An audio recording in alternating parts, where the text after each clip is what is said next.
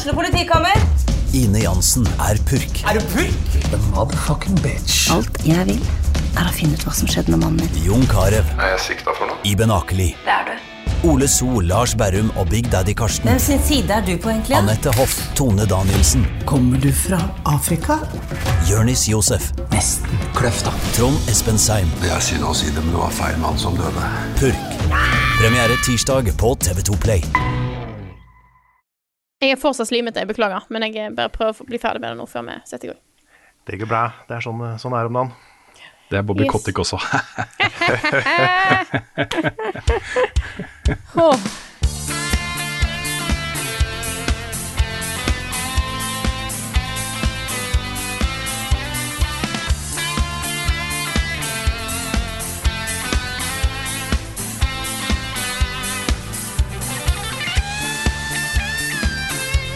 Hallo, god morgen, god dag, god kveld og kanskje til og med god natt. Og velkommen til en ny episode av podkasten Level Backup med meg, Frida Danmo. Og med meg i dag har jeg Karl Martin Hogsnes og Rune Fjell Olsen. Hello! Yeah, yeah, yeah, hallo. Ja, det er altså, Folk kan altså høre på denne podkasten når enn dere vil. Utrolig med teknologi, altså. Ja, ja, ja. Sånn som han i Pokémon sier, technology is amazing. ja, Ja, ja. vi legger den ut også klokka seks på morgenen. Absolutt. Uh, og det som er litt funny da, når den podkasten legges eh, ut da eh, fredag morgen, så er du og jeg på vei til uh, studio på House of Nerds, Karl. Det er vi. Jeg kommer til å være våken når den podcasten går live. ja. ja. nettopp. Det er første Så gang. nå, ja, nå sitter vi sannsynligvis på bussen eller et eller annet da, for å komme oss dit. Det er jo uh, den store innsamlingsaksjonen, Gamere mot barnekreft 2.0, eh, går jo av stabelen da i dag torsdag klokka seks og skal være i 48 timer. Og vi har fått den, eh, den flotteste timeslotten av dem alle, nemlig da fra 07.00 til 13.00 på fredag. Oh yes, Så- kommer til slå, kommer til å slå serierekord med den, altså. Ja, det, ja. Men det, det kommer til å være mye folk der, altså. Garantert. Ja da. Um, så, um, så dette er jo et også, vi, vi gleder oss og syns dette er uh, en veldig viktig ting å være med på. Mm. Uh, og så er det en flott samling av forskjellige folk da, som er med uh, gjennom disse 48 timene. Så dette her blir uh, både et, uh, et, en sånn flott innsamlingsaksjon uh, som har betydning. Uh, I fjor samla det inn 2,5 millioner kroner. Wow. Det er penger, Det er uh, ganske crazy. Ja. Mm.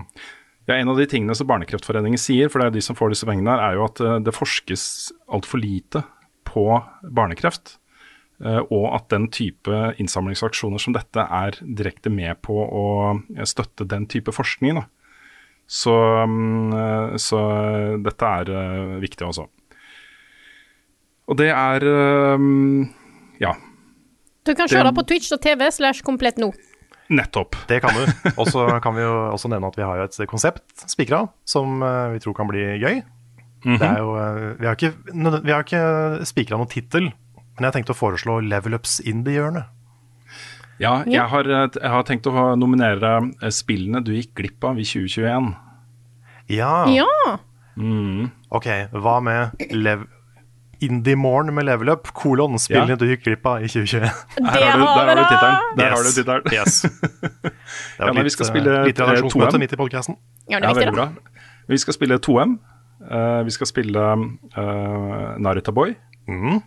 Nuts skal vi spille. Say no more. Say no more. Say no Mhm. more. Riktig. Mhm. Og så blir det muligens en eh, liten halvtime med unpacking der også, sånn at vi får dytta inn noe eh, sånn superchill. Mm. Og sted Supernytt, ikke minst. Mm. Det er gleder jeg meg til å se på, altså. Dette Ja, skal jeg dette blir kjempebra, men jeg er spent på hvor trøtte vi er, altså. Ja, jeg, og jeg kommer, det kommer til å konsumeres mye kaffe i løpet av de timene.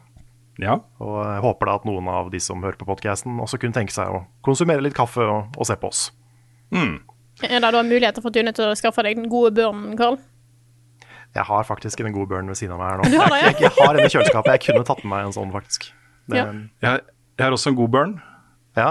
Ja. Du er rar på håret i dag, Carl. Er rar på håret. Åh. Ja, det var en bra burn. Ja, bra børn. Jeg syns jeg er litt fin på det i dag. faktisk. Ja, nei, det er fint. Jeg bare kommer ikke på noe bedre i farta. Nei, nei, men det er greit. Men all. Vi må plugge en ting til, fordi 15.12. er det jo uh, det store juleshowet vårt på Eldorado med spilledåsene og Rand Crew. Og de som var på juleshowet vårt på Edderkoppen for et par år siden, um, har nok en viss anelse om hva, uh, hva som venter. Uh, det blir et spillrelatert juleshow, rett og slett. Masse julestemning eh, og masse julete innhold. Hell yeah. Spørsmålet er, blir det Sten og Strøms julelåt, Karl? Vet du hva, det har jeg ikke tenkt på, men det er jo faktisk noe vi burde tenke på. Ja. Ja, det burde vi faktisk absolutt tenke på. Dette Ja. bør dere tenke på. Kanskje vi må innlede, innlemme Spelledåsen og Radcrew i den sangen? Sånn at Kan de også kan bli hjemsøkt av den hver jul. Ja, det er, eh, det er sant. Kanskje nei, Nå er det midt i et nytt redaksjonsmøte. redaksjonsmøte. Ja, ja. Kanskje liksom beste fremførelse av den låta. Ja. At de får et vers hver, kanskje, ja, og så har vi en ja, avstemning til slutten. Så må vi synge den ni ganger eller noe sånt. Da, nei. Det er bare oss som synger Sten og Strøm julesangen. Det er forresten hele showet. eh, Det er det vi kommer til, de hold- kommer til å holde på med i tre timer. Det er kun Sten og Strøm i julesongen. Ja, ja, ja. ja, ja. Nei, de Billettene til dette ligger jo da ute for salg på eh, ticketmaster.no. Um, og um, et, jeg tror dette her blir et uh, sånn uh, De som var på Patron-kvelden på Eldorado, den første, første showet vi hadde sammen med Spelledåsen og Red Crew, jeg tror vi nærmer oss litt sant da. Det er en del folk da rundt omkring som har tenkt ok, det er rett før jul, vi tar en tur til Oslo og shopper litt. uh, få med oss dette showet her. For dette blir kos, altså. Dette blir sånn skikkelig julekos. Det er faktisk andre gang Level Up spiller julen inn Ja, det Ja. er sånn helt på en scene, så det, det blir gøy. Det er altså juleshow 15. desember, for de som eh, kanskje ikke fikk med seg datoen. 15. desember på Eldorado i Oslo. Ho, ho, ho. Hva har du spilt i det siste? Karl, du skal få lov til å starte i dag, for du har spilt noe nytt. Jeg har spilt masse. Ja, Ganske mye forskjellig, egentlig. ja for du har jo jo- du, vet du. Ja, Jeg har det, så jeg har tid til å spille litt, eh, litt diverse. Ja. Så jeg kan jo begynne da med kanskje det nyeste, som er eh, Pokémon Brilliant Diamond. ja, for det er ikke Shining Pearl. Nei, jeg valgte Nei. Brilliant Diamond fordi diamant er kulere enn perle. Ja. E egentlig bare derfor. så, og så var det Jeg tror det var Diamond jeg spilte i gamle dager også. Så okay. det, det føltes riktig. Det er det du har Dialga, ikke Ja. mm. Stemmer. Det stemmer. Har du spilt det nå Frida? Eh, jeg har ikke spilt det nå, men jeg har Jeg har spilt OK, hva er det som ikke er Diamond og Pearl? Det er den neste. Den siste. Som er den back in the day. Å ja, Platinum? Ja, jeg spilte Platinum. Ja. Eh, men jeg har ikke så sterkt forhold til denne generasjonen, så jeg har eh, Jeg har stått over denne remaken. Nei, for det er litt sånn for meg òg. Jeg har ikke det varmeste forholdet til generasjon 4. Så dette er en remake av uh, begge, begge de spilla. Um, men for de som har det, for de som husker generasjon 4 som liksom kanskje det var det første Pokémon-spillet de spilte, kanskje det var favoritten deres, de kommer nok til å elske den remaken her. Men Men jeg hadde veldig mye høyere forventninger. Eller feil å si forventninger, for den har jo sett litt sånn low budget ut ganske lenge, egentlig. det er litt derfor jeg hopper over det, må jeg innrømme. Ja. eh, og det føles også sånn når jeg spiller den, syns jeg. Mm. Så um, fordi, Og det, det er litt også fordi uh, Fire Red og Leaf Green, som var uh, remake av den første generasjonen, de var så mye mer ambisiøse. Det tok på en måte uh, de, de første spillene gjorde de mer moderne, la til masse nytt. Det samme gjorde Heart Gold og Soul Silver, som er liksom mine favoritt-Pokémon-spill all time. Ja, ja, herregud, det er knallbra. De tok liksom uh, Gold, Silver, Crystal og gjorde de enda større, enda bedre og enda mer moderne. Og det føltes som et nytt spill, bare med alle de tinga man husker fra de gamle. da. Og så kom Omega Ruby Alpha Sapphire, som også var dritbra. Som løfta generasjon 3 til noe som jeg digga. Jeg var ikke så glad i den til å begynne med, men nå syns jeg den er dritbra, liksom. Pluss at den hadde en egen story mode på slutten, som var kanskje det beste med hele spillet. Og så kommer den generasjonen her, og det er liksom bare generasjon 4 på nytt. Ja. Det er det samme spillet. Det føles som at jeg sitter og spiller et sånn 10-11-12 år gammelt spill. Og det er litt nedtur, syns jeg. ja, det er litt kjipt. Og det, det er litt delte meninger om den visuelle stilen. Eh, jeg vet jo hva de prøver på, fordi de prøver liksom å emulere den der gamle pixel-stilen med de svære huene og de små chibi-figurene, liksom. Men den, den ligner litt på den Links Awakening-remake-stilen. Men forskjellen er at den remaken bruker farger og effekter og animasjon så mye bedre enn den her gjør, for her ser det bare litt billig ut føler Ja. jeg, da. Det er at det er, det jeg har sett på Twitter og sånt, det fins fans av den stilen her. Jeg er ikke så fan. Må jeg innrømme. Det er ikke like ille som jeg trodde det var. Men, eh, men jeg blir ikke inspirert av å se på hvordan det spillet her ser ut. Altså. Pluss at det er, det er sånn total krasj når du går inn i en fight, for da har du liksom vanlige proporsjoner igjen. Ja. Så det, er, det, er, det føles litt sånn halvveis. Og så er det ikke nok nytt, føler jeg. Det, jeg sitter og liksom tenker at jeg er glad i Pokémon, og det er fortsatt Pokémon, liksom. Så hvis, hvis, du bare vil ha et nytt Pokémon-spill, så er det 100% det. Det er ikke noe gærent med det, liksom. Men det bare føles for meg akkurat nå som det mest generiske Pokémon-spillet jeg noen gang har spilt. Det er liksom bare mer Pokémon og ingenting annet. Og du har spilt mange nok Pokémon-spill til at du vet hva ja, vi snakker om? Jeg har spilt ganske mange Pokémon-spill. jeg, fant- jeg kommer fram til at jeg har anmeldt nesten ti Pokémon-spill. Å, herregud. Såpass? Så jeg har anmeldt mer Pokémon enn jeg har anmeldt noe annet, faktisk.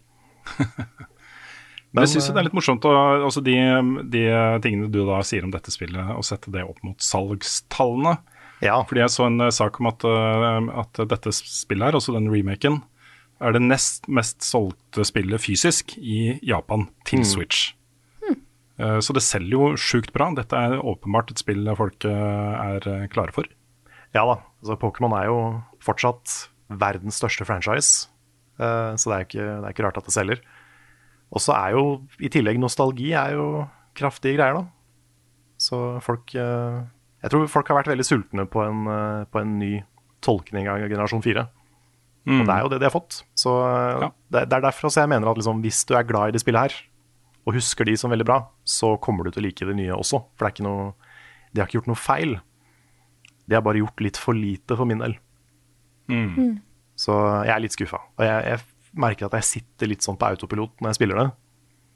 Og når jeg møter han der fyren som har seks Magikarp, så tenker jeg litt på at jeg skal dø en dag. Og at dette er, dette er tid jeg ikke får tilbake. Ja. Så det er litt sånne ting da, som de nye spillene på en måte har slutta med. De har skjønt at han der treneren med seks Magikarps, han er ikke noe morsom. Det er Nei. bare en fullstendig waste of time, liksom. Og det er en del sånne ting i de spillene her. Så um, jeg er litt sånn Vanligvis er jeg veldig glad i Pokémon. Jeg, likte, jeg var en av de som likte Sword and Shield ganske godt. Um, men uh, det her ble litt for generisk for meg, altså. Jeg er litt, litt lei meg for det, fordi Pokémon pleier liksom å være en sånn uh, konstant kos-ting for meg. Og jeg ser jo at det er veldig mange som digger det. Jeg nevnte så vidt at jeg spilte det på Twitter, og folk er liksom bare 'Å, det er, det er fantastisk og uh, herlig kos og digger det, elsker det', liksom. Så jeg er veldig, veldig glad på, på deres vegne, men jeg skulle, jeg skulle ønske jeg var der, men jeg er ikke helt der, altså. Det Sånn er det inniblant. Inniblant. Innimellom. Inniblant. Inniblant. Nå er det inniblant et ord, hvis ikke det var det fra før. Nå sendte jeg tekstmelding til kona og spurte, som sitter rett bak meg her, og spurte om jeg kunne ta ut hunden. Så jeg slapp å rope. Ja, det var smart. Ja, ja. Slipper å mute podcasten. Ikke sant? Men, Mm. men det er det. Det er uh, igjen Det er ingenting gærent med spillet, men det var bare ikke helt uh, nok nytt for meg, da. Nei. Så um, litt, jeg er litt lunken på det, må jeg innrømme. Ja. Det, um, eh, hadde du avsluttet nå med å si at jeg, jeg liker det kjempegodt, så hadde jeg blitt veldig overraska, Carl. Ja. Jeg har ikke gitt inntrykk av det, kanskje. Nei, det Nei. var ikke det. Jeg har ikke det. Men jeg har spilt et annet spill i siden sist, og det er Inscription. Ja. Ja, det kom noen meldinger fra deg på Twitter og sånt på det. Det gjorde det. Og det satt opp mot hva jeg føler om, eh, om Pokémon eh, Brilliant Diamond. Dette, det spillet her er amazing. Det er jo et uh, kortspill.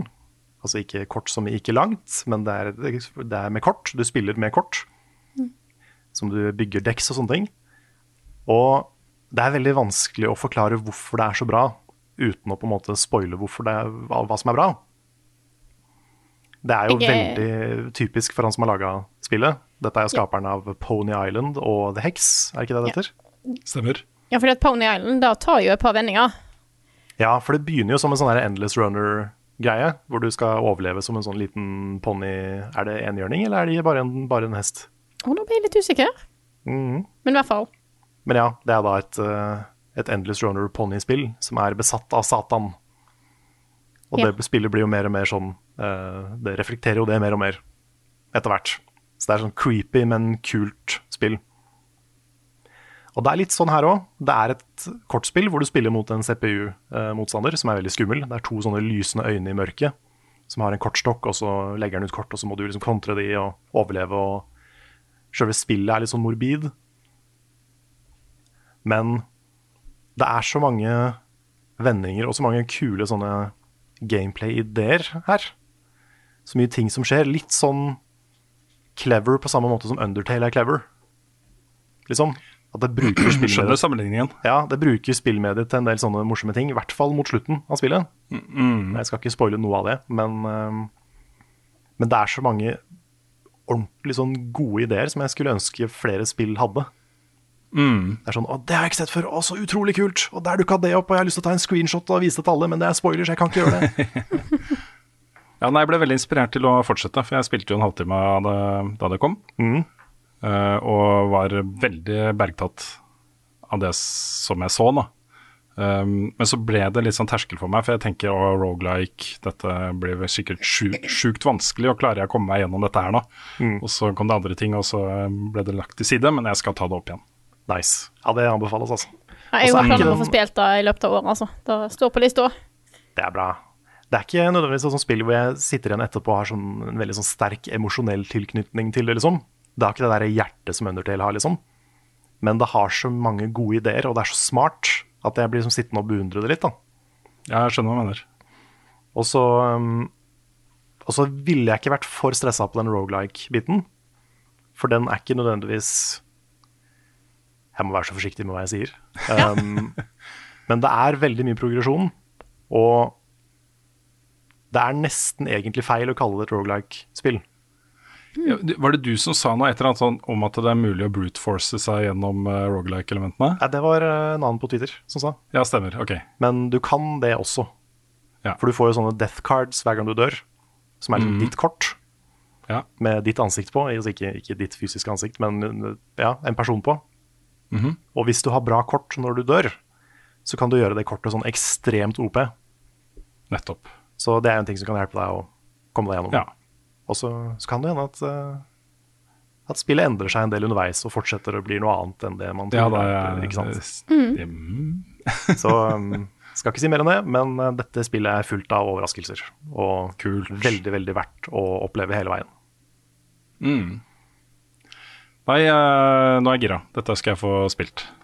Varmt anbefalt, altså. Det kommer høyt på topplista mi for 2021. Mm. Så det um, Inscription heter det. Det er da med Y, så ikke inscription, men inscription. Som encrypt. Og så, ja. Så det, det er bare sånn spill som er så fuckings clever at du blir sittende og bare måpe litt. I hvert fall jeg, da. Syns det, jeg, jeg beundrer det så sykt. Hvor mange kule ideer det er mulig å stappe inn i et konsept, liksom. Ja. Pluss at den liksom, kjernekortspillmekanikken er ganske bra. Den er ganske smart. Og um, litt sånn givende når man begynner å mestre det. Mm.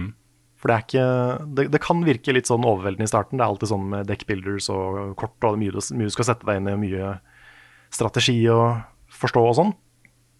Men det går ganske fort, altså. Mm. Det, um, jeg er ikke noen eh, ekspert på verken Magic eller en del sånne ting. Jeg lærte meg Pokémon Trading Card Game back in the day. Men um, dette er mye lettere enn å lære seg noe sånt. Så ikke bli, ikke bli skremt av noe difficulty spike eller noe sånt. Det går nok bra. Kult. Og så til slutt så vil jeg bare nevne kjapt at jeg også har spilt gjennom, både på normal og på hard, Oi. Cruise and Blast. Cruise Blast! Cruise and Blast, ass. Fy fader. Jeg visste ikke at jeg trengte det spillet i livet mitt, men det er, det, det er liksom Dreamcast-æra bullshit-spill på alle de beste måtene. Ingenting, har noe, ingenting er noe farlig. Det er liksom bare ja, putt inn i spillet. Og så animerer de det litt sånn rart. Også, Ja, for jeg måtte, jeg måtte le når du sendte meg en snapper at du hadde un- unlocka en sånn Hammerhead Shark ja, som bil. ja. Ja. Fordi du, du starter jo med vanlige biler. Og det er liksom lisensierte biler, sånn Hummers og en del sånne ting. Wow. Um, og så fikk jeg første unlock, og det var en brannbil. ja. Så tenkte jeg, hm, det, hvordan er det å kjøre som brannbil i det spillet her? For du får mye mindre av skjermen, for den er så svær. um, så måtte jeg teste det, og så fikk jeg en ny unlock. Et helikopter. og det var jo ikke et helikopter som flyr, men det, det kjører bortover bakken og liksom Ja, drifter og tuter som en bil. ja. Ja. Og så tar òg sånn spinn og sånt. Ja, ja. Spinn og salto og alt mulig greier, sånn som bilene gjør også. Ja. Uh, og så tenkte jeg OK, dette var unlock nummer to, og jeg vet at det er 13 til.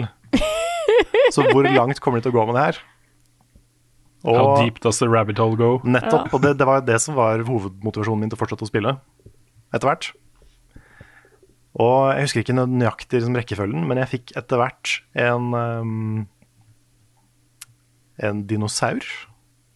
Altså en, en triceratops. Som Da løp trenger rundt. du jo i som også- racingspill. Tuta og drifta som en bil. en ufo fikk jeg. Ja. Og eh, skal vi se, jeg, jeg tok faktisk opp unlock-lista her. Skal vi se her. Ja, Monster Truck, selvfølgelig. um, Brannbil, ja. Skolebuss. Dobbeltdekkerbuss. Uh, og selvfølgelig en enhjørning.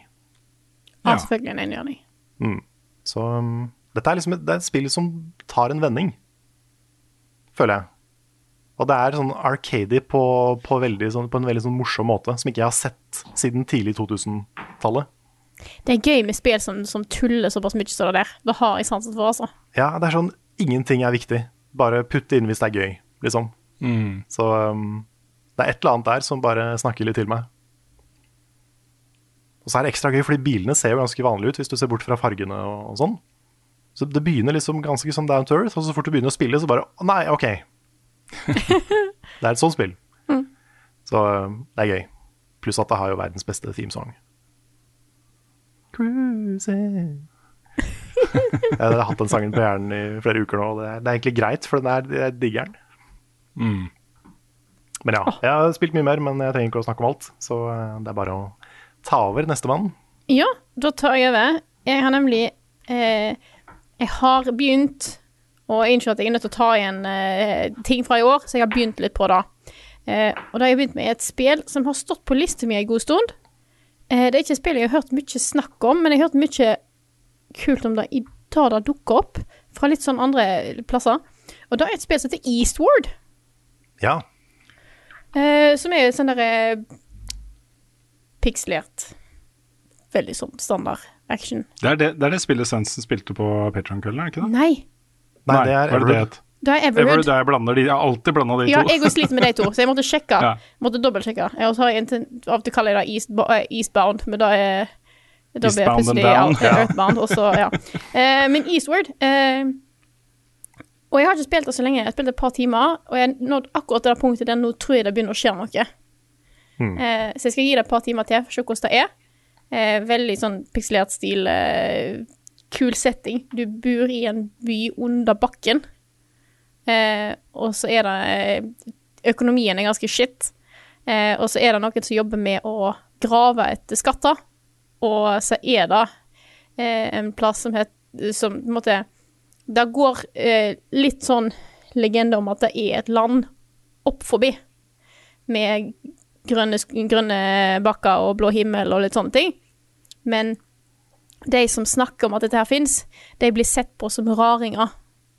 Eh, Fordi at det er det, det finnes jo ikke, sant, selvfølgelig. Men ene karakteren som er med hovedkarakteren, mener hun har vært der. Sånn at eh, nå er jeg på vei litt oppover. Eh, Og østover, kanskje? kanskje østover. Ja. Kanskje, vet ikke. Eh, så jeg tror at det snart begynner å åpne seg litt opp, da. Så jeg er veldig spent på å se hvordan det går videre. Men nå har jeg liksom sakte, litt rolig, begynt å eh, prøve å liksom spille det jeg har lyst til å spille, få spilt i løpet av året. Eh, så kan jeg òg si at jeg nylig var og besøkte en plass i Trondheim som heter Jotunheimen. Som, som er jo på en måte litt slags eldorado i Trondheim. Bare at ja. Enda mer fokus på e-sport, eh, kanskje? Ja, enda mer fokus på på en måte eh, uteplass òg i tillegg. For dette Ja, her er jo det de har, de har kalt det liksom en sånn sportsbar, da. Så du har jo faktisk en, en, en, en bar her med plasser å sitte, og de selger måte, mat og drikke og alt mulig rart. Eh, Har de shuffleboard? fancy mat, litt sånn pizza og litt sånt. Har de shuffleboard? De har shuffleboard. Ja, ikke sant? Ja. Eh, men så har de òg eh, 100 gamingstasjoner. Ja. Eh, og jeg driver og får til med litt VR og litt sånne ting, og har òg Switch og alt. Så det er liksom det er litt mer uteplass i tillegg. Eh, Ja. Og det var det nå fordi at jeg hadde et jenteevent. De hadde jentekveld i samarbeid med Sparebank1, tror jeg det var. Det Eh, er noe som heter Sparebank1. ja, for det er derfor jeg ble forvirra. Eh, sånn at vi, det, Jeg tror det var Sparebank1. Eh, da må jeg ta og sjekke. Eh, men i hvert fall, jeg var der. Eh, jeg har filma. Jeg håper å få satt sammen en eh, Sparebank1, ja. Eh, satt sammen en liten reportasje om da. Eh, om den plassen, og, og, og om denne her jentekvelden. Ja, veldig bra, Frida. Så kul plass. Jeg håper å kunne stikke innom der senere. Dette er midt i Trondheim sentrum. Så i Kjøpmannsgata. Så det er dere har, eh, Hvis du bor i Trondheim, så er en, eh, har du en, en ny plass å være. Hvis du mm. syns at eh, eh, Syns at eh, gaming er kult og har lyst til å gå ut en plass der du kan se på gaming, eller spille. Eller leie en datamaskin, eller sånne ting. De fleste som hører på podkasten vår, syns jo gaming er kult. Så det Ja. er Jeg vil tro det. Jeg bra, vil tro det. bra anbefaling. Jo, eh, innimellom så tenker jeg at dette her, vet du Kanskje dette her kunne vært for noen. Kanskje dette spillgreiene? Mm. Nei, men sant? eh, jeg var der, og de hadde Da hadde de nettopp begynt å sette opp en Oculus Quest. Eh, så jeg fikk testa den. Eh, Oculus Quest er jo dette her eh, trådløse Face, Facebook. Dette Facebook. Facebook. Dette, dette er Facebook-greiene. Dette metagreiene. Ja, nei. Ja. Eh, men det er jo Jeg ville teste det fordi at eh, jeg ville bare se hvordan headsetet er nå, for den her er jo trådløs. Ingen ledninger. Eh, ingen sensorer. Du bare står på gulvet og veiver rundt.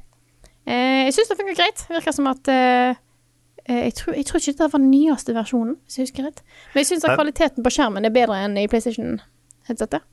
Mm. Men det er ikke noen sensorer heller? Nei. Ok, Men da, da har du ikke noen sånn romfølelse? da? Du kan ikke gå rundt og sånn? Du kunne bevege deg litt. Jeg tror det er noe gyro her altså, som driver og beveger seg. Jeg er litt usikker på hvordan det funker. Ja, okay. Det er Facebook som tracker bevegelsen din. Ja, Ja, sånne kjempestore satellitter Mm. som eh, hele tiden vet akkurat nøyaktig hvor du er, og hva du gjør. Ja. Og så eh, analyserer den hvordan du går, og basert på det selger deg sko. Ja, ja, Ja. ja, ja. Det er egentlig så fint, dette. vet du. Nei, jeg så de drev og styrte med noe, så det kan være at du må på en måte markere litt ting, for den har jo kamera. Sånn at av Ja, og til så, så, så, så twitcher han ut, og så plutselig så viste han meg eh, omgivelsene mine. Sånn at jeg tror kanskje han bruker da til å orientere seg litt. Ja, ok. Jeg er ikke sikker på hvordan det funker. Jeg, brukte, jeg prøvde han bare til å spille to sanger i Beat Saber, skal jeg være ærlig. Men jeg syns at eh, Jeg syns det funka fint, og så var det veldig lett å ha på seg. Og så var det jo kult at du på en måte hadde lyd i headset, på en måte. Sånn at ikke alle rundt deg hørte drithøy lyd. Eller at du slapp å ha på deg et headset og sånne ting. Så jeg likte konseptet. Tenkte bare å gi en update på, på VR-fronten. Eh, selv om det ikke er på en måte det var det aller nyeste. Men jeg tenkte bare å gi folk beskjed. Hvis jeg hadde hatt det Ja. sånn, så hadde jeg spilt Beat Saber hele tida. Da kan jeg helt ærlig innrømme. Fordi at den funka, han funka veldig, veldig bra.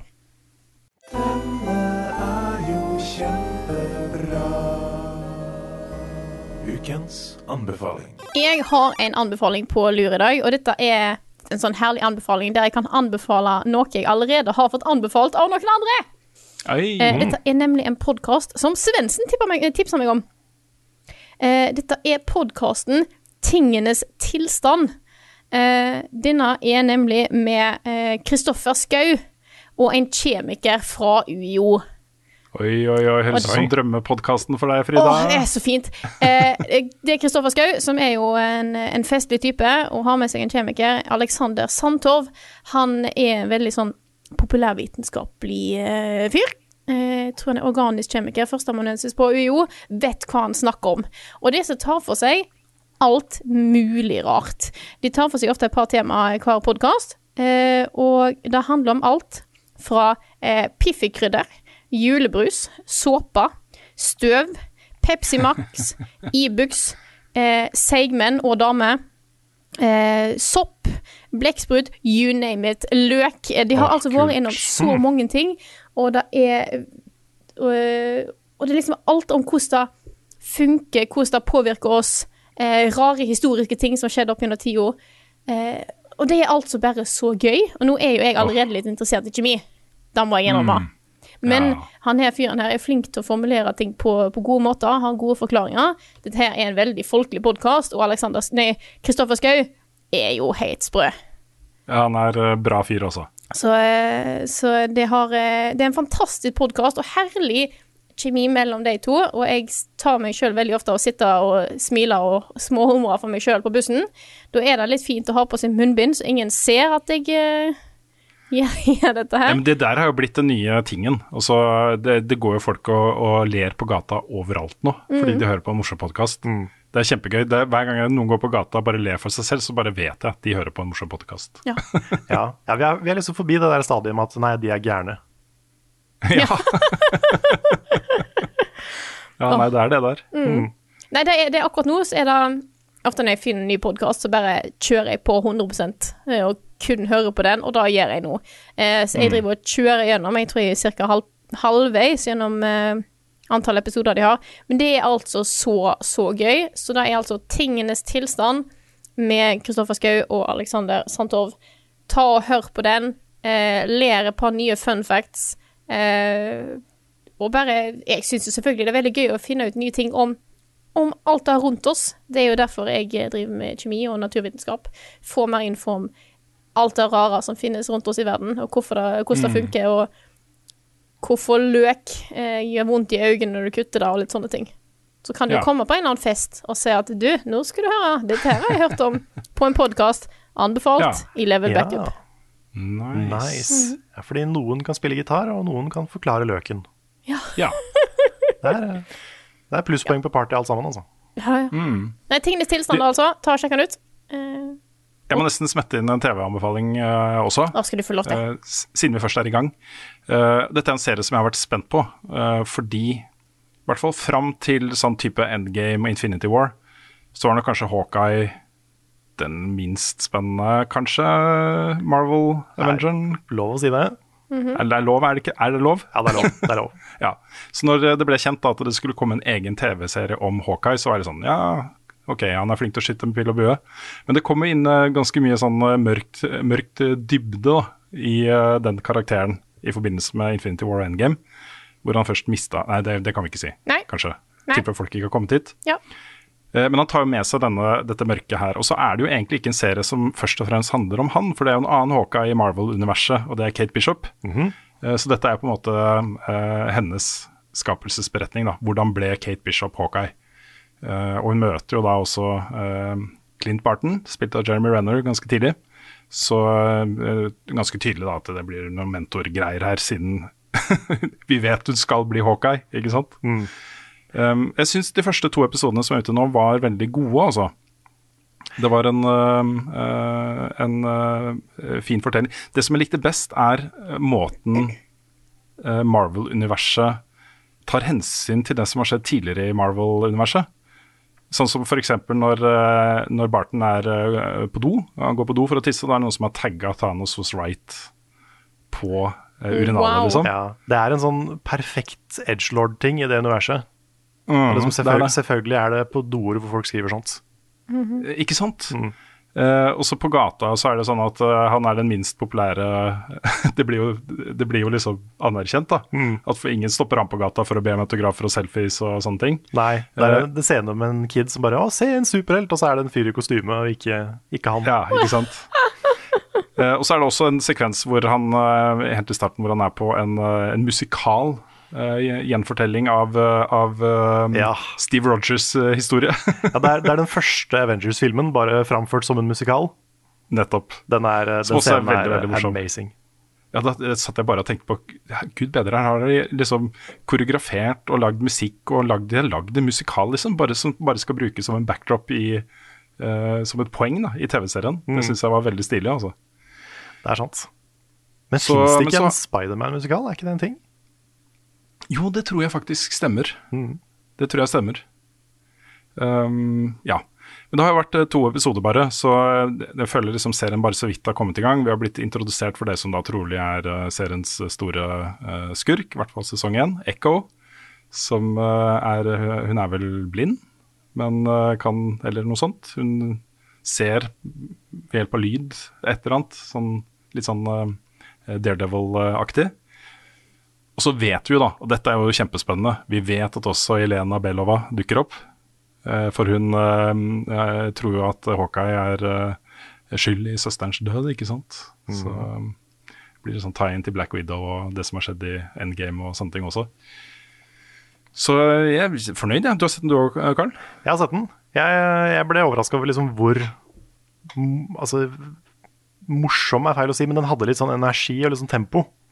Som jeg savna litt i, uh, i Falcon and Winter Soldier, blant annet. Ja, Den har jeg ikke orka å se. Nei, den er litt treig, altså. Den, er, den, den har mye bra i seg, syns jeg. Litt på samme måte som noen av de uh, Captain America og Winter Soldier-filmene uh, har det. Men den her er mer sånn gøy å se på. Litt mer sånn fun Marvel, liksom. Eh, og så syns jeg han stefaren i, uh, i den serien her er veldig morsom. For han, Ja. har sånn, han har sånn heavy uh, Jim Carrey, Dr. Robotnik energy. Det er helt sant. Med, med den der snurrebarten. Og liksom, han er så åpenbart ond, da. Ja, ja, ja. På en måte som er veldig morsom å se på. Det er sånn klassisk sånn bad guy som liker å være bad. Ikke sant. Så um, jeg er spent på hvor de tar han videre.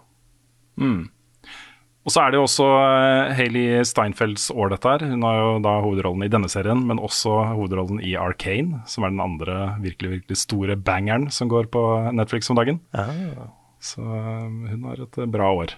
Ja, Så, nei, jeg gleder meg til å følge fortsettelsen på den her, altså. Det, det er bra greier. absolutt.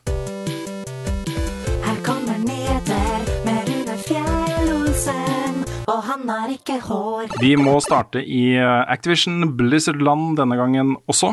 Eh, nå er det jo sånn da, at eh, både Sony, Nintendo og Microsoft har jo nå gått ut offentlig og i da kommunikasjon med Activision Blizzard og kritisert dem for håndteringen av dette søksmålet som pågår nå.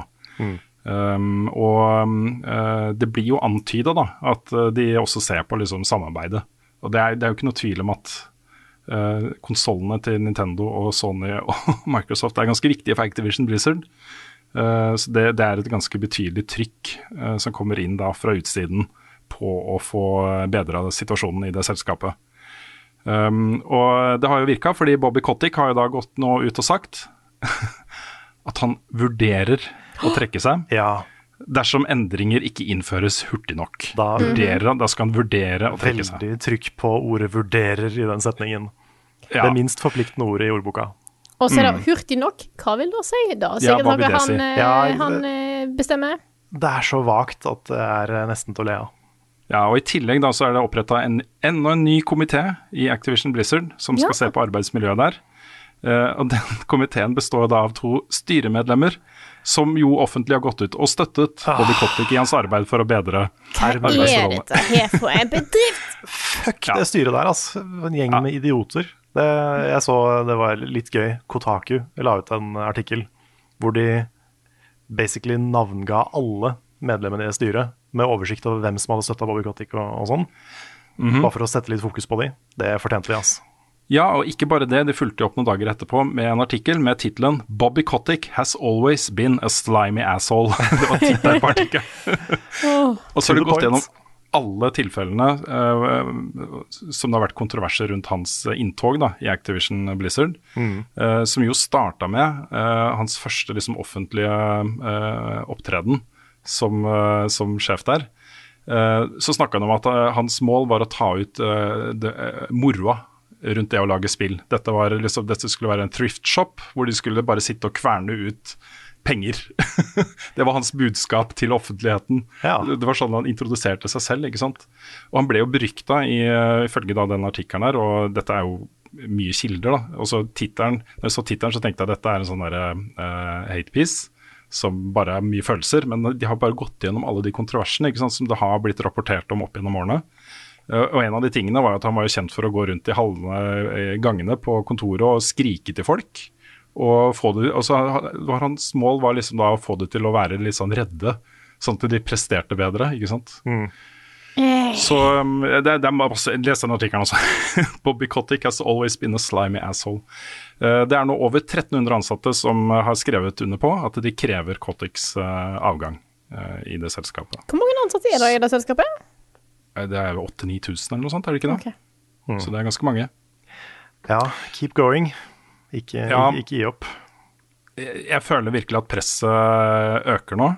Uh, aksjekursen går ned. Uh, offentligheten, også alle rundt Activision Blizzard, samarbeidspartnere og sånt, legger press på de. De ansatte sier ifra, uh, osv. Så, videre. så um, på et eller annet punkt da så kan må nok, tror jeg da, Bobby Kotick ta sine 200-300 millioner dollar eh, i avgangspakke. Stakkar fyren. ja, stakkars. Ja, stakkars Ja. liten fiolin. Jeg, jeg leste også et sted, jeg husker ikke hvor, men at han har slitt med å finne seg en date fordi alle bildene som kommer opp når man googler navnet hans, har djevelhorn. Ja, nettopp. Og det er altså sånn en liten fiolin for det. Oh. Ja. Ja. Det er jo to, to personer da i uh, styret i Activision Blizzard. Eh, en av de er Bobby Kotick, som også sto oppført da i den svarte boka til, eh, til Jeffrey Epstein. Så um, det er liksom åh, er, er, er, Ja, det er liksom det- åh, det er det. Ikke sant? Det, Mm. ja, det her er ikke, dette er ikke bra nok. Nei. Så um, vi får bare følge saken videre. Det er um, eh, trist å høre liksom, at folk har det samme på jobb. Det er ikke sånn man skal ha det. Altså. Så. Nei. Dette er jo mye problemer som er gjennomsyra i hele spillbransjen, dessverre. I hvert fall, eh, hvert fall de store selskapene, men også noen av de små. Men uh, Blizzard er jo Det tyder jo mer og mer på at de har vært blant de verste. Ja, det er jo sånn der, det er jo en del folk da som sier at ok, det er Activision Blizzard og Ubisoft det går hardest utover nå, men det er sånn overalt, er det mange som sier da. Og det kom nylig et søksmål også mot Sony for en av PlayStation-avdelingene deres. Jeg tror det var den som monterte testing i California, um, hvor det visstnok hadde vært et ganske kjipt arbeidsmiljø for kvinner. da. Um, så så um, ja, ja, det krever, kreves nok en litt større opprydding i bransjen også. Fordi um, jeg, jeg tror det er liksom en del av de derre Spillbransjen ble jo liksom vokste jo opp basert på liksom lidenskapen og supernerdinga til, til unge gutter og menn. Det er liksom der eh, pengene kom inn, og det er der fokuset lå. Det er de som leste spillmagasiner, og de som kjøpte spill og, eh, og sånt. Og også de som lagde spill, ikke sant. Mm. Og um, vokste fram en sånn kultur mange steder, tror jeg, da.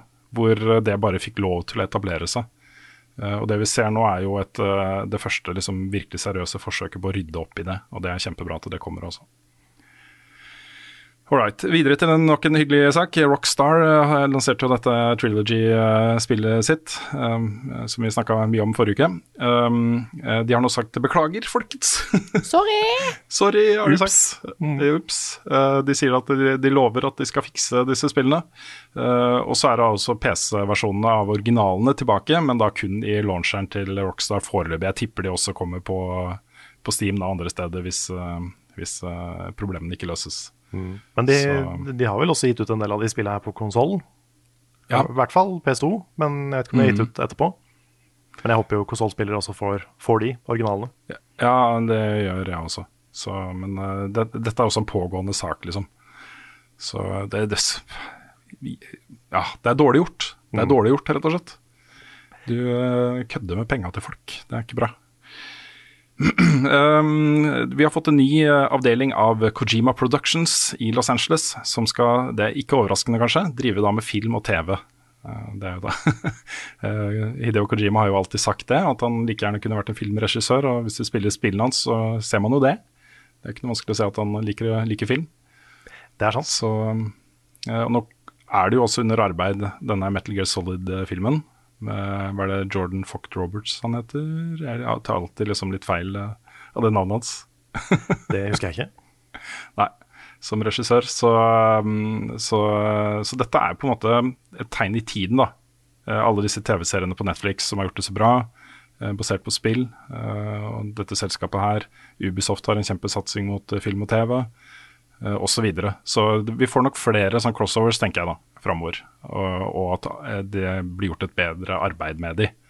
Eh, Tatt mer alvorlig, liksom. Seriøst. Jeg vil også legge til at vi, eh, da vi snakka om Arcane, eh, TV-serien, så var vi liksom flåste på law-biten av League of Legends. Vi fikk litt tilbakemelding på det. At det er mye law der. S- Ja. Eh, Jeg kan jo si det var jeg som eh, kommenterte dette. her. Det jeg mente, er da at det er sjelden folk sier at de spiller League of Legends for the law. ja, ikke sant. Ja. Eh, så jeg, jeg er ikke overraska over at det er mye law der. Det har en tendens til å bli sånn når du plutselig har en hel drøss med karakterer, og så, så, så lager du et univers eh, rundt mm. her, da. Eh, Så det var ikke meningen å skytte på LOL. Det var ikke det. Nei. Nei, nei men um, nå har ikke jeg spilt noe særlig LOL, så dette er litt sånn ut, utenfor perspektiv. Men, uh, men jeg har aldri sett på liksom karakterene i LOL som like ikoniske som f.eks. i Overwatch. da. Nei, de men det er fordi at de det er så sinnssykt helt- mange i league. Ja, det er kanskje det. Men Mm. ja, For jeg har liksom ikke Jeg har sett litt etter de ikonene, da, liksom. Men de har, føler jeg ikke League of Legends har hatt på samme måte. Men det er mulig det er fordi jeg er utafor, altså. Du har jo noen som er på en måte mer eh, kjent enn andre. Da. Du har jo Timo, som er jo eh, Hvis jeg husker rett i en meme, jeg er litt usikker. Men det, du har noen, men det er ikke det samme måten som Overwatch, da. Nei. Nei, vi får øh, bare si en liten beklager. Ja, sorry. Uh, og så gå videre. Eh, nå er det store eh, julesalget til Steam ut, ute. Det Ja. varer til 1.12. klokka 19.00. Masse gode tilbud har jeg sett. Så eh, check a look. Eh, den 4. desember klokka 22.00 er det da det siste store i eventet i Fortnite. eh, Som markerer da slutten på kapittel to. eh, Og det skal komme et helt nytt map. Det er forventa litt nedetid. Eh, Og dette andre mappet, da, som har vært da i kapittel to, har jo vært der lenger enn det det første mappet var i kapittel én. Og det er mange som er veldig spente da på hva det neste er. Vi vet jo at Boba Fett kommer, men det er stort mer enn det vet vi liksom ikke. Um, eh, jeg skal være med på det eventet, og eh, sønnen min skal nok få lov, han også, selv om det er klokka ti på kvelden. Så vi skal spille det sammen. så det gleder jeg meg til. Det er, er noe spesielt også med disse Fortnite-eventene. De, eh, man kan liksom bare hoppe inn, selv om man ikke spiller Fortnite, og være med liksom på, på en interaktiv eh, event, da, som er veldig kul. Ja. De, de gjør litt kule ting med spillmediet, faktisk. Mm. Ja, jeg syns det. Det fortjener de kred for, altså. Og um, ja, jeg er utrolig spent på hva de gjør nå. Det er jo masse sånne kuber og sånn, ikke sant? og aliens og greier. Kan, de kan gjøre så mye gøy ut av det. Jeg nevnte tidligere at vi skulle komme tilbake til Halo Infinite, eh, og det skal vi gjøre nå. Eh, Vi snakka litt i forrige uke om eh, eh, litt sånn tilbakemeldinger på, på litt treig progresjon på Season Pass og sånne ting. At man ikke fikk liksom nok progresjon. da. Eh, og det er fortsatt en issue som eh, 343 da har sagt at de skal fikse. Uh, og de har også sagt de skal fikse den andre store issuen, som er da uh, eh, rewards i spillet. Eh, det er mange nå som reagerer både på prisen på kosmetikk. Uh, for eksempel da, så er det sånt samurai- samurai-themed armor set som ser latterlig lekkert ut. Som koster da 150 kroner, ikke sant? 15 pund eh, for å kjøpe det settet. Eh, Så mange reagerer på at det er litt høye, men det er også um, sånn timegata innhold. Det er et event da, som pågår akkurat nå. Eh, Med, uh, du kan ta maks sju sånne bounties for det eventet, men med de sju bountiene så kommer du deg ikke til rewards helt, liksom. Uh, Men det skal være mange av disse eventene da, i løpet av et år. Seks-syv, liksom. Så tanken er at du i løpet av Spiller du en to-tre av det, liksom, så får du alt du kan få rewards fra det eventet. Eh, og det også er folk litt uh, misfornøyde med. Men 343 sier at eh, de, de kommer til å finjustere eh, alle disse tingene her underveis, basert på tilbakemeldinger. Så det er bare å si fra. Så er det jo sånn at eh, selve multiplayer-opplevelsen eh, skryter jo folk veldig av. Det er eh, gøy å se altså. at, eh, at den er såpass vellykka. Det er et uh, rykte på, uh, på gang som er at Amazon nå nærmer seg en deal på å lage en TV-serie basert på Mass Effect. Ja. Mass Effect. Det er altså det, det er veldig mange spillbaserte filmer og serier som, uh, som er på, på gang nå. Men mm. dette her høres ut som en god idé, faktisk. Ja, det gjør jo det. Mm. Dette, er, dette kunne blitt en sånn ny Battlestar Galactica-type ting. Det kunne fort ha blitt det, altså. Så det, mm, av, av alle liksom spill, så kan jeg lettere se for meg Mass Effect som en TV-serie enn veldig mye annet. Mm. Litt sånn relatert skal jeg også nevne at dersom du gikk glipp av muligheten til å skaffe deg Normandy-skipet fra Mass Effect i No Man's Sky, eh, da det var eh, en eh, quest for å få tak i det for en stund siden, så er det nå tilbake. Alle de fire store Expedition Questene er nå tilbake i No Man's Sky. Da kan du da skaffe deg Normandy til din flåte, du også. Um, mer TV. Arcane er bekrefta nå at den får da en sesong to. Eh, ingen blir overraska over det. Det er jo en kjempesuksess. Og så har det vært Golden Joystick Awards. Jeg skal ikke gå gjennom alle vinnerne der, men jeg vil da bare nevne at eh, Dark Souls ble da the ultimate game of all time. Wow. The ultimate game of all time. Shit. Hvor mange sånne priser har blitt delt ut? Det vet jeg ikke. Nei, For det må jo ha kommet noen til Super Mario Bros og sånt før? Ja, ikke i år. Ikke i år. Nei, det er fortjent. Det er, vi har snakka om det før. Men uh, det, det er jo et spill som snudde bransjen på mange måter. Det er jo da. Elden Ring vant også da pris for mest etterlengta spill. Og ellers så var det jo mye øh, øh forventa vinnere her. Altså beste Switch-spill, Metroid Dread f.eks. Mm. Så det, er, det, var, det, har vært et OK spillår, altså. Så jeg gleder meg til Game Awards i desember. Mm. Så gleder jeg meg til, uh, til, vårt Game Awards, ikke minst. Ja, vi skal jo dele ut litt level up-priser, vi òg, i podkasten, muligens. Det er sant, det er sant, det er sant. Og så var det jo da sluttspill i Telia-ligaen i helgen. Jeg satt og fulgte CS-finalen i sofaen sammen med sønnen min. Det var kjempegøy. Og det, han spiller jo ikke CS, det får han ikke lov til ennå. Uh, og han vet ikke så mye om det, men han kom veldig fort inn i det, uh, han også. Og det var jo sånn at Trippel uh, 7 uh, de vant jo første map mot, uh, mot Prospect-laget til Double Zero. og um, da ville jo gjerne sønnen min at Double Zero skulle ta andre maps, sånn at han kunne sitte oppe halvannen time til. Men det ble 2-0 til Trippel 7 i CS-finalen. Det var veldig spennende. Det var ordentlig gøy å se på. Gode caster og god produksjon. Uh, morsomt å se også Espen uh, fly rundt med kameraet sitt på liksom, uh, klippene fra, halve, fra salen. For han har jo uh, jobba med en sånn aftermovie for uh, Telialigaen der. for oss, da. og så vant da Riddle League of Legends. Jeg tror det var tredje gang på rad, eller noe sånt. De, et eller annet. Uh, og AW3 uh, vant da Rocket League-finalen, så gratulerer til vinnerne. Og gratulerer til uh, våre gode venner i Good Game for gjennomføring av en veldig veldig fin finalehelg. Også. Det var ordentlig bra produksjon. Så, um, så, morsomt. Jeg tror det var gøy for de i salen også. Hva er hennes best, hvor var fredag sist, har Carl egentlig sopp? Ukens spørsmål.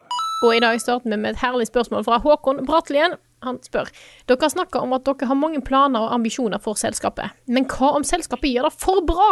Ønsker dere å bli store på bekostning av å være kjendiser, eller er det vinn-vinn? Ikke ta det ille opp, men det hadde vært veldig gøy å sette dere på Skal vi danse eller Kompani Lauritzen. Og da er jeg helt enig i. Oi. Å nei, jeg er helt uenig. Vet du hva, jeg, jeg tror uh, no, Ikke sant ofte når man kommer i sånne situasjoner, så sier man sånne ting som at dersom dere noen gang ser meg på Skal vi danse, så skal jeg spise skjegget mitt. Den type ting, liksom. Mm. Eller skal jeg tatovere et eller annet i panna. Sanne ting, da. Jeg får lyst til å gjøre noe sånt, da, fordi det kommer ikke til å skje. Nei. Det kommer ikke til å skje uansett.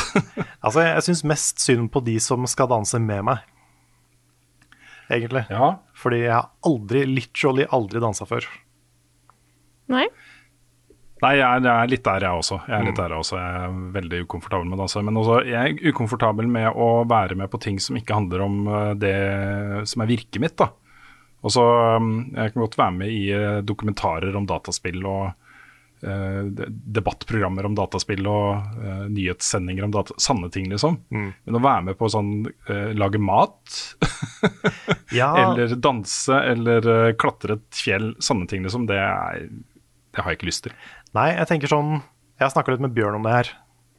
Og jeg tror det eneste som liksom kanskje kunne funka som en joke, det var om Bjørn og jeg ble meldt inn på Paradise. Ja. som, som, liksom sånne joke-deltakere. Ja. Det kunne vært gøy. Men jeg tror ikke mm. Skal vi danse, Kompani Lauritzen, noen av de andre hadde funka. Fordi jeg hadde bare vært for inkompetent og hata det. Ja.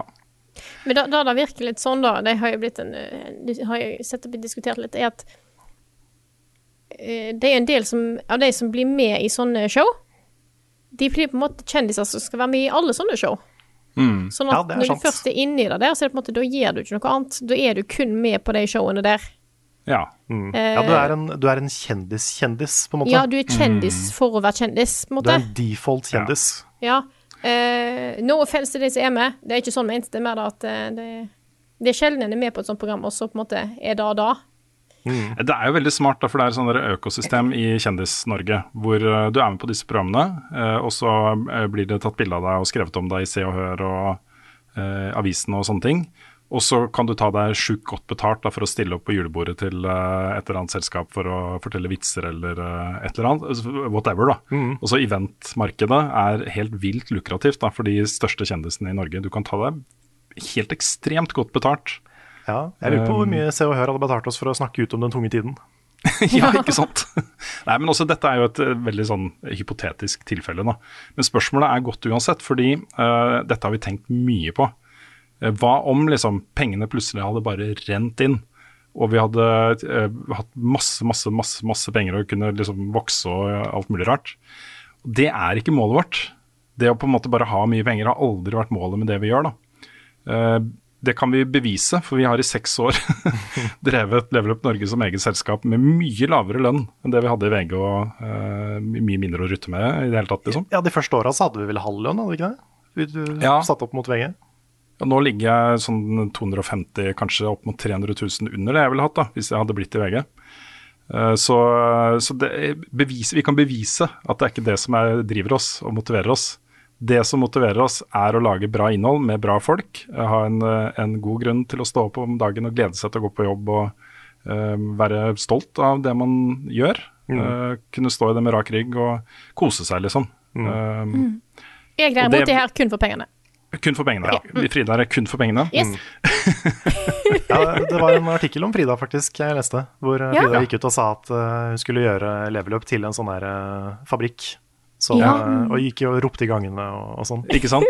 Ja.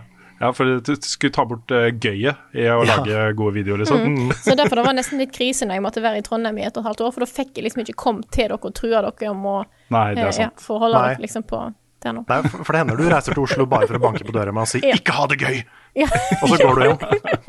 ja, ja selvfølgelig. Ja. Det er en bra tilskudd, nei da. Nei, men det, det kan si det vi hadde brukt penger på, da, Mm. hvis, uh, hvis vi hadde hatt mye mer penger, er jo flere folk. Mm. Uh, bedre studio, uh, bedre innhold uh, osv. Vi hadde nok sikkert tatt oss satt opp lønna litt. ja. men, men det er ikke noe Det er ikke det som er målet vårt, liksom. med dette her. Å tjene sjukt mye penger sjøl, liksom. Men det er, det er noe med den derre som er litt interessant med spørsmålet, den allmennheten, liksom. Eh, for, for det er jo en sånn balansegang hvor, hvor nerder skal vi være?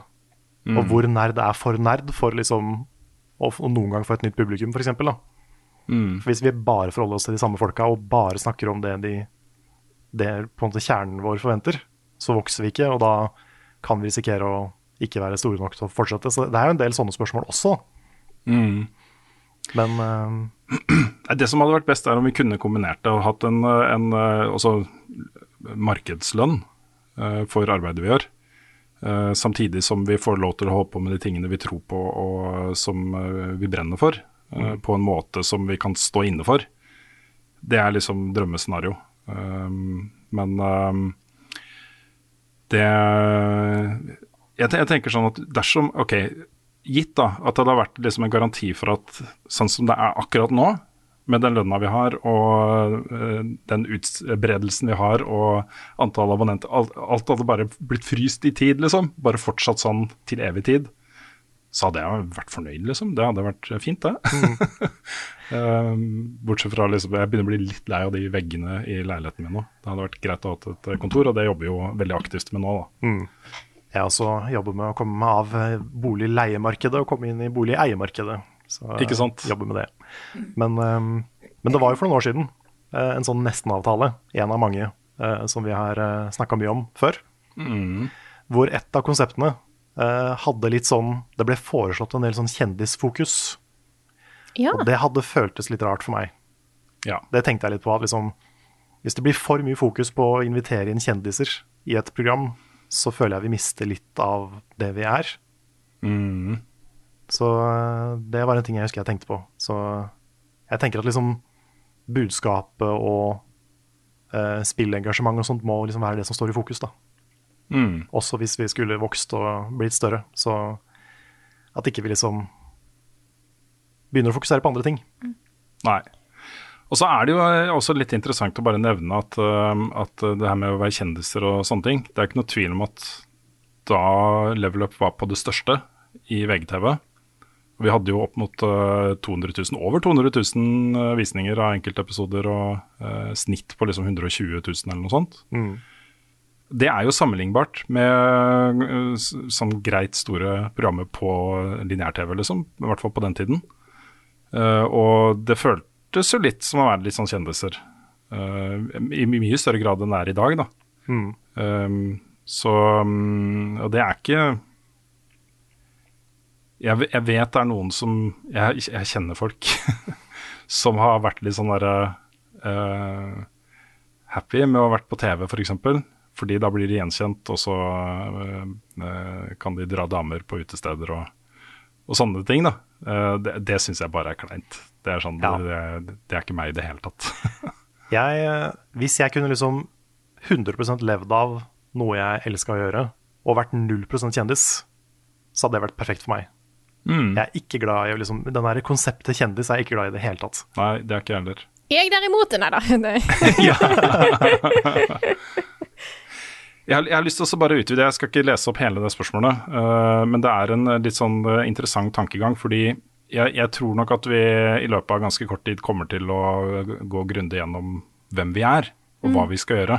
Eh, og det, det, er, det hadde vi gjort liksom Det har vi gjort uh, flere ganger i løpet av de siste seks årene, og det skal vi gjøre jevnlig.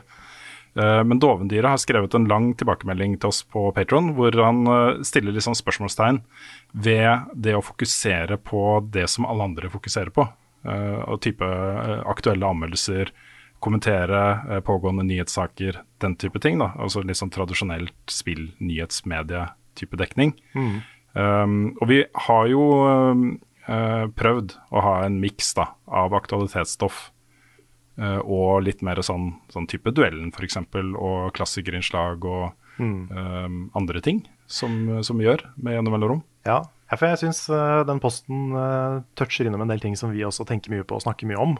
Vi har tenkt med eh, mye diskusjon her utenom uh, eh, Altså i faktiske redaksjonsmøter som ikke er i podkasten.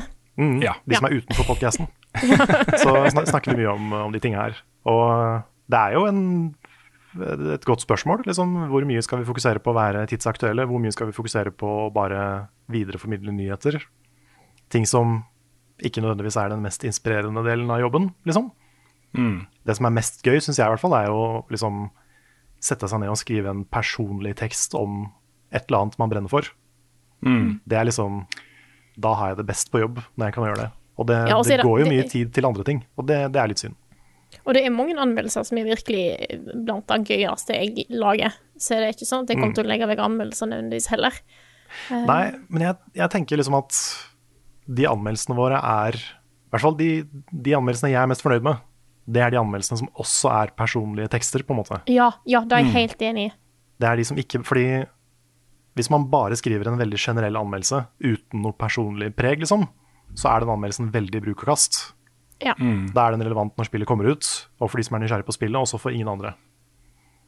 Men uh, de gangene vi får det til, da, så føler jeg liksom at vi Når vi får lage anmeldelser som er noe litt mer enn det, så føler jeg at da er det veldig verdt å bruke tid på. For da går det an å gå tilbake til de, da går det an å formidle noe mer enn bare 'dette spillet er bra', eller 'dette spillet er ikke bra'. Jeg tror nok folk eh, kan forvente seg at den miksen fortsatt vil være der, da. Fordi det er jo en, en eh, tilbakemelding vi får veldig ofte fra folk, og som vi også har eh, tall på fra tidligere undersøkelser og sånne ting. da. Det er jo at mange følger stoffet vårt fordi um, de føler at de blir oppdatert på spillmediet. Også generelt oppdatert på hva som foregår i spillmediet til enhver tid. da. Ja. Uh, og Derfor er det også, så, som en nyhet, og som en redaksjon, liksom, som journalister, så er det det hadde vært veldig rart hvis ikke vi fulgte aktualitetsstoff i spillmediet i det hele tatt, og bare fokuserte på å lage vår egen vri på alt mulig rart. Eh, men jeg tror nok folk også kan forvente at det vil komme mer av det. da, At vi prøver å finne litt eh, vår egen eh, vei inn i spillmediet, eh, i større grad enn vi har gjort til nå. Ja, ja for, for det er jo et element til at noe av det også er jo styrt av hva folk vil ha. Og Ja. det er jo veldig mange som vil ha nyheter. Det er veldig mange som vil ha ferske anmeldelser med scores. Ja, Hvis ikke den kommer til utgivelse, så får vi høre det. Da folk maser jo. Liksom. Oi, oi. Når, når kommer anmeldelsen? Ja. Så, Eh. og så Noen ganger så tar det tre måneder. eh, Hvor lang tid tok det etter Cyberpunk før Nick anmeldte det? ja, Det er jo en av de beste videoene vi har publisert. Ja. Mm. Sant. Så Nei, for jeg, jeg kunne sett for meg liksom Level Up som en sånn rein personlig videoessay-kanal. Men jeg, og det, det kunne vært kult, liksom. Det, jeg hadde digga det, men jeg tror ikke nødvendigvis at alle hadde digga det. nei. Jeg kan jo si at eh, det er, altså, det er ikke alltid lett å lage alt man har lyst til. Det er ikke tid til det. Jeg har så mange ideer. Jeg håper jeg får eh, lagd det kanskje en gang. Eh, Men jeg kan si til folk, vi har ikke glemt klassikerspalten. Det har vi ikke. nei. Absolutt ikke. Vi har absolutt ikke glemt det. Så bare gi oss litt tid der. Så Det er sant. Vi nådde jo målet for en sesong av det, så det kommer en sesong av det. da har vi lovt. Da gjør vi det. Eh, Vi ligger litt under det nå, så det er ikke sikkert det blir flere sesonger hvis ikke vi går opp igjen, men vi kommer i hvert fall igjen. Yes. Eh, Nei, jeg tror nok eh, det, For å runde av. eh, Ja. Det vil komme mer, mer tradisjonell journalistikk. mer personlig vri på ting. Eh, det, er også, det, er, det er det vi ønsker, da. Bare mer av alt, liksom. Ja. Eh, Få frigjort tid til å jobbe med litt større prosjekter osv. osv. Det er så mange sånne greier da, som er litt sånn ressursavhengig også. Um, så, så dette jobber vi med kontinuerlig med, folkens. Det gjør vi. Og vi er, eh, det, det kommer snart informasjon om en del morsomme ting. og vi setter veldig pris på tilbakemeldingene fra folk. Da Ja. Ja, det, var, det, det var veldig, det var en veldig bra post, syns jeg. Så Ja. det er veldig, Ja, veldig sånn reflektert over hva vi driver med, og hva vi kan drive med, og sånne ting. Da vil jeg gjerne fortsette.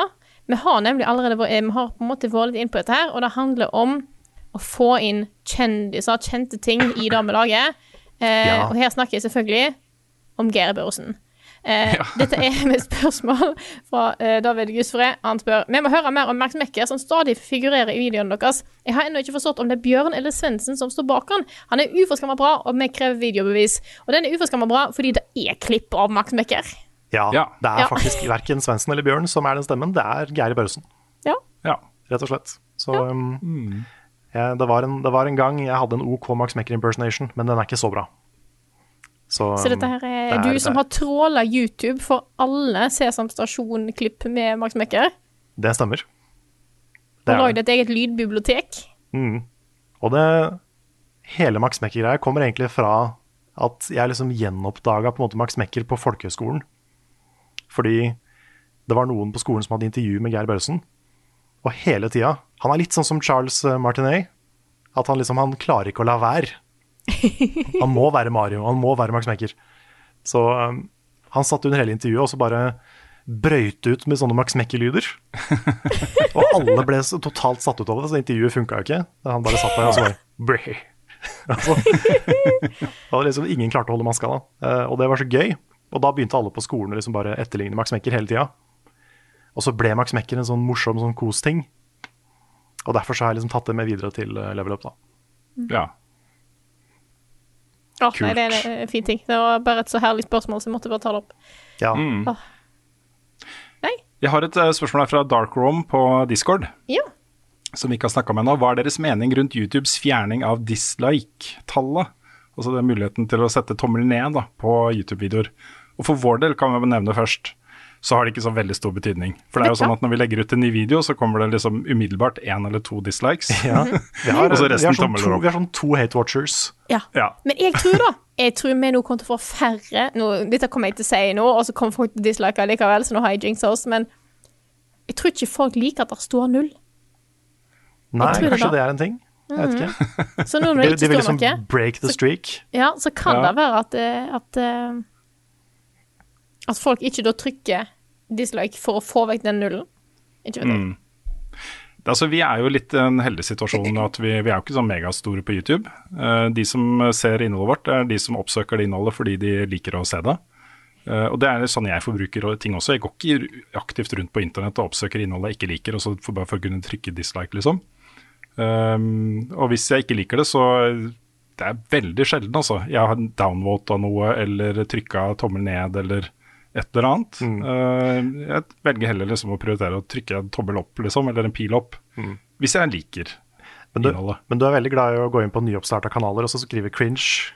Ja. ja, det har jeg heller aldri gjort. Nei, nei ikke jeg heller. Men, men jeg har jo sett mye snakk om å fjerne den dislike-greiene, men jeg har den fortsatt. Har du det? Hos meg er den fortsatt. Ja, den Ja. skal fjernes da, kanskje. Men jeg lurer på om den, den er offent, eller den- er synlig for oss, men ikke for oh, andre. Jeg tror det er sånn Der det har du casen, vet du, for jeg var jo logga inn som level up og så en level up-video. Nei, jeg ser den fortsatt. Ja, det gjør det, ja. Ja. Ja, det er det kanskje ikke gjort ennå. Men, eh, men jeg tenker liksom Det er en grunn til at Facebook ikke hadde dislike, det er en grunn til at andre sosiale medier ikke har dislike, og det, jeg syns den grunnen er ganske god. For det, det er jo bare bad vibes, liksom. Og da er det bedre å ha et bra rapporteringssystem, f.eks. hvis noe er eh, skadelig eller feil eller dårlig eller whatever. At du kan på en måte protestere på en annen måte, da. Enn, å, Mm. enn å trykke en litt sånn passiv-aggressiv dislike-knapp. Den er fjerna hos meg. Du kan trykke 'liker ikke', men det står ikke noe tall der. Det er bare tall vi kan se da, når vi går inn uh, på videoen og Mm. logger inn som oss. Ja. Sant. Mm. Så eh, nei, jeg, er ikke, jeg er ikke noen fan av dislike-knapper generelt, så for meg så er det helt greit. Ja, Et poeng som ble tatt opp også på Discord av en annen, var jo eh, dette er poenget med at, eh, at eh, antall dislikes er også en god indikator på om innholdet er verdt å se eller ikke. Hvis det er liksom 50-50 eller overvekt av dislikes, så kanskje la være å se den videoen. Um, I mye større grad da, hvis det er én eller to dislikes, liksom. og et par hundre likes. Så, um, så kanskje noe der, da. Men uh, alt i alt, den brukes litt for aktivt i sånn type kampanjer og sånn, altså. Ja, Ja. det er, det er sant. Det er mye sånn dislike-bots og sånne ting som jobber med å liksom få videoer ned. Mm. Mye drit. Yes. Det er det, dessverre. Jeg lurer på om jeg skal ta et nytt spørsmål her, jeg. Mhm. Dette er fra Petter Jevnehagen Mo. Han spør Lolbø har svart, og nå er det deres tur. Hvem i Level Up-redaksjonen ville gjort det best på curlingbanen? Og i hva grein ville dere gjort det best i vinter-OL? Oi, oi, oi. Oi. I Jeg, vinter-OL. jeg vinter-OL. Jeg, jeg er jo gammel al- alpinist, Ja, stemmer det. så jeg hadde knust dere.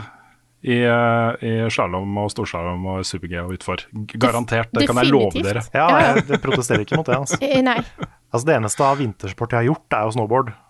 Og det jeg har lært å stå på snowboard og balansere og, og svinge og sånn. Jeg har tatt en, eh, Det kuleste trikset jeg har tatt, er en 90. Oi. Ja. En sånn liten sånn skrå. Bare snu deg rundt, liksom. Ja, en liten sånn, sånn eh, ja. En, Ja. en fjerdedel av en 360. Jeg eh, Først, altså, jeg eh, har ikke vært i bakken siden jeg knakk armen på snowboardet i 2015. Eh, har ingen planer om å stå på snowboard igjen. Eh, jeg var ikke så god. Var ikke en tradisjon vi pleide å gjøre. Klarer meg fint uten det. Ja. Men jeg kan huske at jeg var relativt god på skøyter. Ja. Ja, Da hadde du nok knust meg. Ja, meg òg. Jeg har gjort det en gang i Jeg livet. kommer og- aldri ah, Jeg har alltid stått på overlære på de skøytene. jeg. Jeg var liksom ja. Ja, nei, jeg syns skøyter er kjempegøy. Det har jeg innsatt, det har jeg ikke gjort på mange år, det heller. Men, mm. men, eh, men curling, vet du hva, jeg ser for meg eh, Jeg må jo selvfølgelig ha den som er mest trent av oss til å stå med den der kosten. Lars Lars er sikkert genial på kosting. ja, det vil jeg tro. Ja, det kan jeg. Ja, for vi må, vi må tenke på det også. Det er ikke bare det. Ja, for, Ja. ja, jeg tenker i hvert fall da, du må ha med et kostelag her òg. jeg hadde gitt opp å koste halvveis. Ja, bare han er sliten, bare legge seg ned på ja. Men jeg vet ikke, jeg, Du, jeg bare fortelle, kan jeg fortelle litt historier fra virkeligheten. Ja. Jeg gikk jo eh, De siste dagene så har jeg vært så støl. Det er sånn, eh, Jeg aner ikke Jeg har liggefeil. Altså det, er, det er egentlig ingen grunn til at jeg skulle være støl, for jeg sitter bare på ræva i den stolen her og gamer. Det er kanskje derfor det er støl? Jeg går litt eh, med hunden og sånt. Jeg satte opp et, eh, et klesskap fra Ikea. Det, Ah. det ble jeg faktisk støl av. Det var så mye sånn der, det var stort da, og mye jobb. Og så måtte jeg til og med så hadde jeg gjort det feil, så jeg måtte ta av Jeg måtte demontere hele greia og flytte fordi vi fikk den ikke inn døra. på det rommet det skulle i. Så jeg gjorde det to ganger. Men, men jeg, også, blir- jeg blir mer stolt enn jeg fortjener å være av å klare å sette opp Ikea-ting. Altså. En av de største tingene jeg har gjort i mitt liv, er å sette sammen en hel Ikea-seng med skuffe uten bruksanvisning. Oi, Oi. uten bruksanvisning. Er det mulig? eh, Ja. Det er flex. Ja. Ha. Fy fader. En, en, jeg har nettsida til Ikea var nede eh, i dag jeg skulle sette den sammen. Og Men- dette var men- en ting jeg allerede hadde demontert og flytta, og så skulle montere opp på nytt. Ok, Fordi, For da må du ha litt guts, tenker jeg. Hvis du skal liksom aktivt la være å sjekke bruksanvisninga. Nei, altså det, var ikke, det var problemet at jeg hadde ingen bruksanvisning. Ah, ja, okay. Så det var ikke sånn at det var jeg ikke det at du måtte bare på Nei, jeg trenger ikke den. Nei, det er ikke sånn. Eh, men jeg, jeg tror det er litt Jeg har satt sammen jæklig mye um, rare ting som er dårlig planlagt, eh, og uten bruksanvisning, og da snakker jeg selvfølgelig om eh, katteklorestativ og, og bord til akvariet på dyrebutikken. For faen meg, da er ting som eh, Du får aldri bruksanvisning, og ingenting er intuitivt. Jeg tror det er der. Jeg tror jeg bare har fått litt trening derfra. Hmm. Men Men ja. curling, ja. Jeg tror kanskje Nick er sikkert dritgod på å sikte på dette greiene her. Ja, det vil jeg også Ja, tro. Mm. fordi må, for curling handler jo litt om beregning og sånn. Ja. Så Ja, Hånd-øye-koordinasjon er jo veldig ja, Jeg tror kanskje jeg, jeg kunne vært litt god på det. Hånd-øye-koordinasjon. Ja. Sånn FPS uh, Ja, det er sant, det. Ja, for, jeg tenker det er kanskje litt sånn som bowling, bare litt mindre sånn uh, force-fokusert. Så jeg tror jeg kunne vært OK på det. Jeg tror ikke jeg hadde vært best, men jeg hadde fått det sånn OK til. Ja. Det hadde vært morsomt å teste ut en gang. Absolutt. Level up-duell i curling Mhm. Ja. med Lars og en til som kosteansvarlig. Ja. Mm. Kan jeg bare ta et Ja. veldig kjapp kommentar til et spørsmål før vi runder av? Ja. Ja. Uh, og Det er et spørsmål fra Simon Rømo, som spør eh, da Ettersom det er flere Metroidvania-fans i redaksjonen, har noen av dere sett på Unsighted? Så nylig bl.a. The Completionist sammenlignet det med spill som Ori og Hollow Knight, og uh, ser det har 88 på Metacritic i, sk i skrivende stund. Kan ikke huske å ha sett noe level up-dekning. Vi har uh, snakket om det, Uh, og da sa vi det samme som jeg skal si nå. Dette må vi få sett på. Eh, det er, ser veldig spennende ut. Helt på en brasiliansk indie-studio. Kan stemme. Jeg har ja. hørt stadig flere snakke om det, så det, er, Mm. det har havna på, på lista mi. Jeg har sittet og kikka på det veldig mange ganger, og det ser ut som et spill for meg. eh, Men det ser enda mer ut som et spill for deg, Frida. Oi, Det er okay. sånn eh, ganske intens eh, top down, eh, litt sånn eh, bird's eye view eh, combat.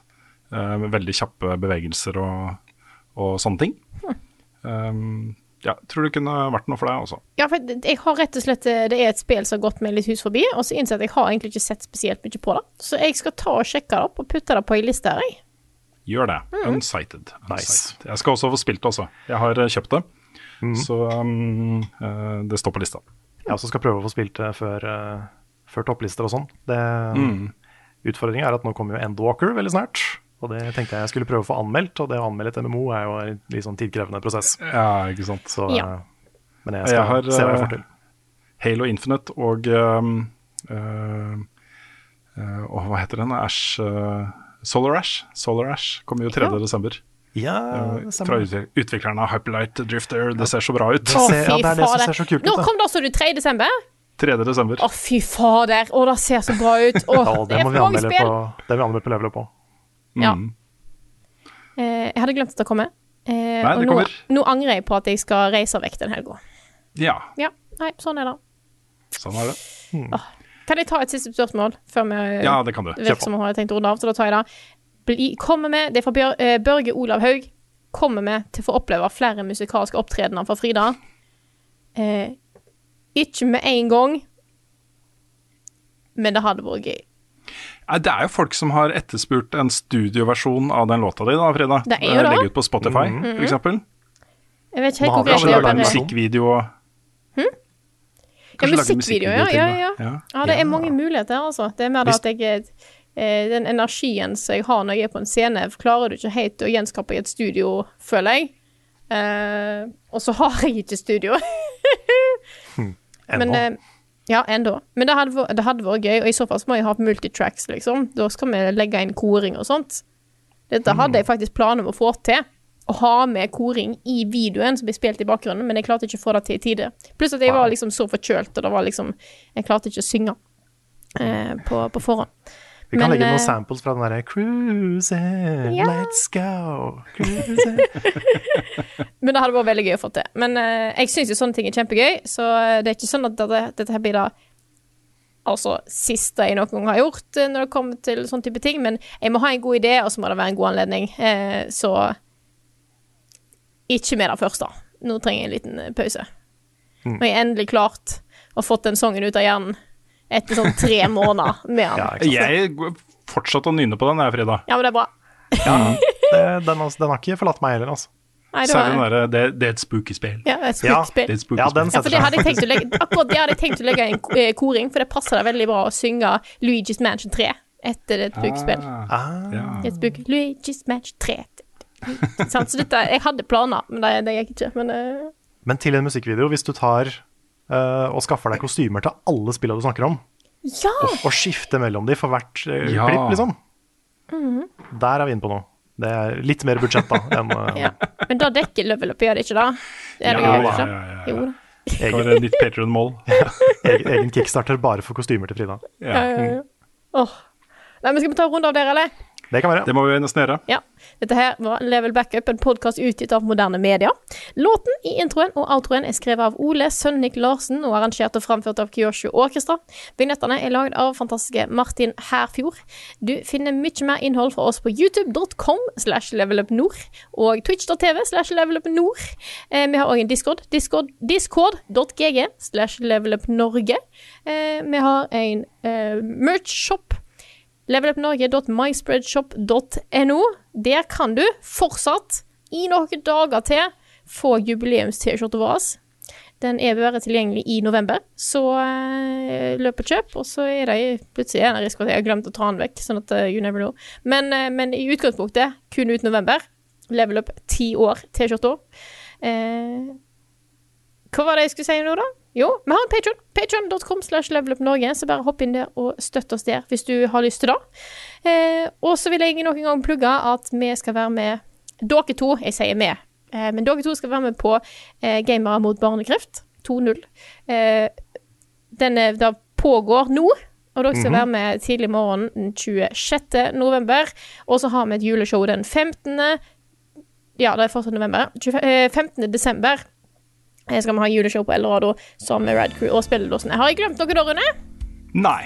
Det har du ikke. Men hvis du starta å høre på den podkasten her nøyaktig da den kom ut, Ja. så har du allerede gått glipp av sånn en halvtime pluss av liveshowet til komplett. Så, oh, Ja, det er akkurat det. Mm. Så kom, Det- come check us out. Ja. Ah. Do it. Twitch.tv slash komplett nå. Der er det eh, innsamling for en god sak. Absolutt. Og med det så sier jeg tusen takk for oss, og så snakkes vi igjen neste uke.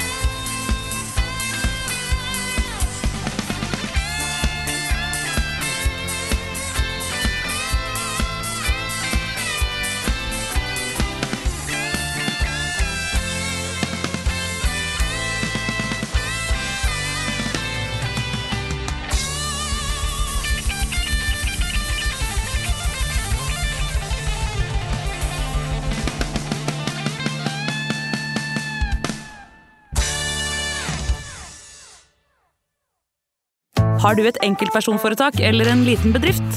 Da er du sikkert lei av å høre meg snakke om hvor enkelt det er med kvitteringer og bilag i fiken, så vi eh, gir oss her, vi. Fordi vi liker enkelt. Fiken superenkelt regnskap.